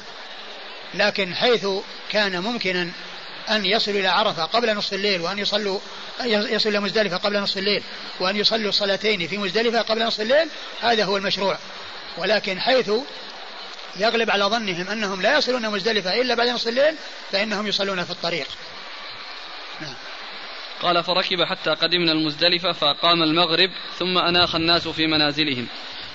ولم قال ركب حتى وصلنا إلى مزدلفة فأقام المغرب يعني أقيمت الصلاة. وهنا ليس فيه ذكر الأذان ولكن جاء في بعض الأحاديث أنه بأذان واحد وإقامتين. يعني أذن للصلاة ثم أتي بصلاة المغرب ثم بعد ذلك آه، آه، أقيم صلاة العشاء وصلوا العشاء. وجاء في بعض وهنا إيش قال فيه الحديث؟ أقيم صلاة المغرب. إيش قال بعدها؟ فأقام المغرب ثم أناخ الناس في منازلهم. ثم أقام المغرب وأناخ الناس في منازلهم. يعني بين الصلاتين. يعني أنهم كما جاء في بعض الروايات أنهم حلوا عن الرحال. يعني وهذا يدلنا على المبادرة إلى الصلاة. وأن الإنسان إذا وصل مزدلفة أول شيء يعمل به الصلاة يعمل الصلاة. ما يكون عمله أنه يشتغل بشواغل أخرى أو يروح يعني يلقط الحصى مثل ما يفعله بعض الناس وكأن المهمة في مزدلفة لقط الحصى. بل مزدلفة يصلي الإنسان فيها المغرب والعشاء وينام إلى طلوع الفجر ثم بعد ذلك يقف ويدعو وعند قرب طلوع الشمس يتجه إلى منى. هذا هذا هو هدي رسول الله صلى الله عليه وسلم. وفيه أنهم يعني أناخوا يعني بين أو حلوا عن الرحال يعني بين الصلاتين. وهذا يدلنا على أن العمل اليسير بين الصلاتين المجموعتين الذي يحتاج إليه أنه لا يؤثر على الجمع. نعم. الإناخة فقط. نعم. الإناخة وفي بعض الروايات حلوا عن الرحال. لا سيأتي. م. أنهم حلوا عن الرحال. طيب. يعني عن الأحمال يعني حتى يعني يعني يخف يعني يخففون عنها. زاد محمد في حديثه قال قلت كيف فعلتم حين أصبحتم؟ قال ردفه الفضل وانطلقت أنا في سباق قريش على رجلي. يعني أن أسامة بن زيد رضي الله عنه يعني كان ردف إلى مزدلفة وبعد ذلك ردفه الفضل وانطلق هو في سباق قريش على رجليه. نعم. قال حدثنا أحمد بن عبد الله بن يونس. أحمد بن عبد الله بن يونس ثقة أخرج له أصحاب كتب الستة. عن زهير. عن زهير بن معاوية ثقة أخرج له أصحاب كتب الستة. قال حا وحدثنا محمد بن كثير عن سفيان وهذا لفظ حديث زهير عن إبراهيم بن عقبة. إبراهيم بن عقبة هو ثقة أخرج له. مسلم وابو داود والنسائي بن ماجه. مسلم وابو داود والنسائي بن ماجه. عن كريب. عن كريب مولى بن عباس ثقة أخرج له أصحاب كتب الستة. عن أسامة بن زيد. عن أسامة بن زيد رضي الله تعالى عنهما وهو صحابي أخرج حديثه أصحاب كتب الستة. قال حدثنا أحمد بن حنبل قال حدثنا يحيى بن آدم قال حدثنا سفيان عن عبد الرحمن بن عياش عن زيد بن علي عن أبيه عن عبيد الله بن أبي رافع عن علي رضي الله عنه أنه قال ثم أردف أسامة رضي الله عنه فجعل يعنق على على ناقته والناس يضربون الإبل يمينا وشمالا لا يلتفت إليهم ويقول السكينة أيها الناس ودفع حين غابت الشمس. ثم ورد أبو داود حديث علي. علي بن أبي طالب رضي الله عنه. وفيه أن النبي عليه السلام يعني آه يعني انصرف حين غابت الشمس. ويدلنا على أن الوقوف بعرفة إلى غروب الشمس. وأنه ليس الإنسان ينصرف منها قبل الغروب. وأن النبي صلى الله عليه وسلم لما دفع كان يعنق يعني على راحلته يعني يسير سيرا خفيفا. يقال له العنق.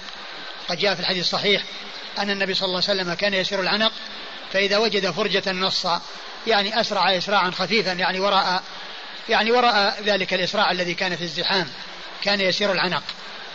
فإذا جاء وجد فجوة يعني نصا فيعنق يعني يسير سيرا خفيفا الذي هو يقال له العنق. كان يعنق. فجعل يعنق أردف أسامة فجعل يعنق على ناقته على ناقته والناس يضربون الإبل يمينا وشمالا. والناس يضربون الإبل يعني يمشون يريدون أن يسرعوا.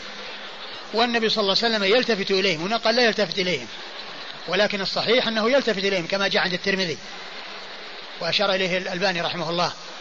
وهذا هو الذي يناسب المعنى لأنه يعني يلتفت إليهم ويشير لهم السكينة السكينة نعم. يقول السكينة أيها الناس ودفع حين غابت الشمس. يقول السكينة أيها الناس يعني لا تسرعوا ولا تضربوا الإبل من أجل من أجل أن تسرع بل اهدأوا. وسيروا ب يعني بالسكينة والهدوء. نعم. وقد مر أنه قال ليس البر بأن بإيجاف الخيل بإيجاف الخيل. وقال ليس البر بالإيضاع الذي هو الإسراع. نعم. قال حدثنا أحمد بن حنبل عن يحيى بن آدم. أحمد بن حنبل مر ذكره. يحيى بن آدم هو ثقة أخرجه أصحاب كتب الستة. عن سفيان عن عبد الرحمن بن عياش. عبد الرحمن بن الحارث بن عياش وهو مقبول أخرجه أبو داود. مقبول أخرجه أبو داود. نعم. عن زيد بن علي. عن زيد بن علي ابن آه ابن الحسين وهو؟ ثقة أخرجه أبو داود. الترمذي والنسائي في مسند علي وابن وهو, وهو ثقة أخرجه أبو داود والترمذي والنسائي في مسند علي وابن ماجه. عن أبيه. عن أبيه وهو علي بن حسين وهو ثقة أخرجه أصحاب كتب الستة. عن عبيد الله بن أبي رافع. عن عبيد الله بن أبي رافع وهو ثقة أخرجه أصحاب كتب الستة. عن علي. عن علي بن أبي طالب رضي الله عنه أمير المؤمنين ورابع الخلفاء الراشدين الهادين المهديين أبو السبطين صاحب المناقب الجمة والفضائل الكثيرة رضي الله عنه وأرضاه وحديثه عند أصحاب الكتب الستة. قال حدثنا القعنبي عن مالك عن هشام بن عروة عن أبيه أنه قال سئل أسامة بن زيد رضي الله عنه وأنا جالس كيف كان رسول الله صلى الله عليه وآله وسلم يسير في حجة الوداع حين دفع؟ قال كان يسير العنق فإذا وجد فجوة نص. قال هشام النص فوق العنق. ثم ورد أبو داود حديث أسامة الذي وصف فيه سير رسول الله صلى الله عليه وسلم وأنه كان يسير العنق وهو سير خفيف. فإذا وجد فجوة نص يعني يعني زاد يعني عن هذا المشي يعني حتى يتقدم ما دام ما فيه يعني زحام ولا فيه إيذاء لأحد فإنه يسرع إسراعا خفيفا. لكنه ليس الإسراع الذي يكون فيه عدو كما مر أنه ما رفعت يديها عادية الذي هو الإسراع الشديد. نعم. قال حدثنا القعنبي.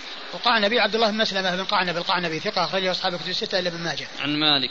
عن مالك بن أنس إمام دار الهجرة المحدث الفقيه أحد أصحاب المذاهب الأربعة من مذاهب أهل السنة وحديثه أخرجه أصحاب كتب الستة. عن هشام بن عروة. هشام بن عروة هو ثقة أخرجه أصحاب كتب الستة. عن أبيه عروة وهو ثقة فقيه أحد فقهاء المدينة السبعة في عصر التابعين. أخرج له أصحاب كتب الستة عن أسامة بن زيد وقد مر ذكره. قال حدثنا أحمد بن حنبل قال حدثنا يعقوب قال حدثنا أبي عن ابن إسحاق قال حدثني إبراهيم بن عقبة عن كريب مولى عبد الله بن عباس عن أسامة رضي الله عنه أنه قال كنت ردف النبي صلى الله عليه وآله وسلم فلما وقعت الشمس دفع رسول الله صلى الله عليه وآله وسلم. ثم ورد أبو داود حديث أسامة وأنه كان ردف النبي صلى الله عليه وسلم وأنه لما وقعت الشمس يعني غابت وتوارت. آه، دفع. دفع يعني دفع من عرفة إلى مزدلفة. وهذا يدلنا على أن الدفع إنما يكون بعد الغروب. نعم.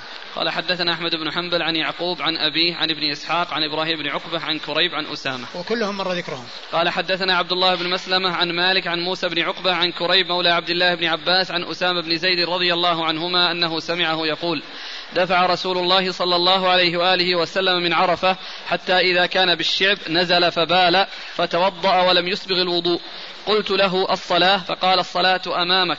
فركب فلما جاء المزدلفة نزل فتوضأ فأسبغ الوضوء ثم أقيمت الصلاة فصلى المغرب ثم أناخ كل إنسان بعيره في منزله ثم أقيمت العشاء فصلاها ولم يصلي بينهما شيئا.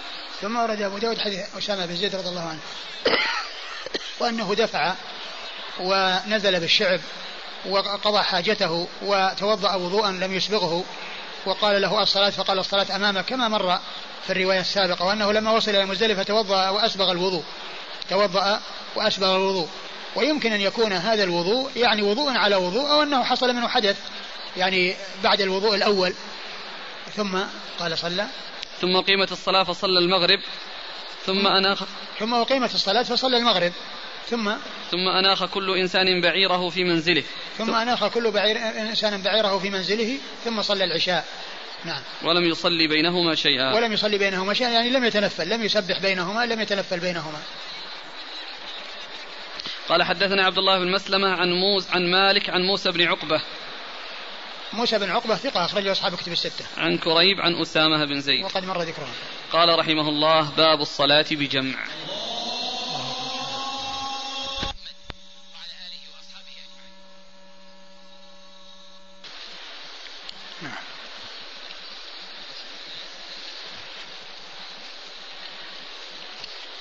بسم الله.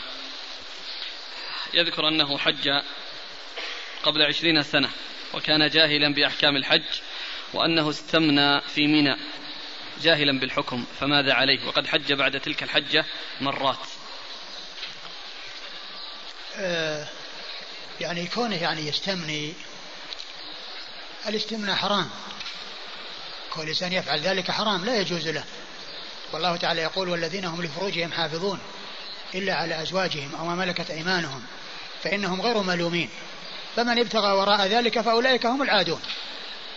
فمن ابتغى وراء ذلك يعني وراء الزوجة وملك اليمين كل ما وراء ذلك فهو عدوان ومن ذلك الاستمناء. لأنه آه، صرف أو قضاء للشهوة فيما حرم الله.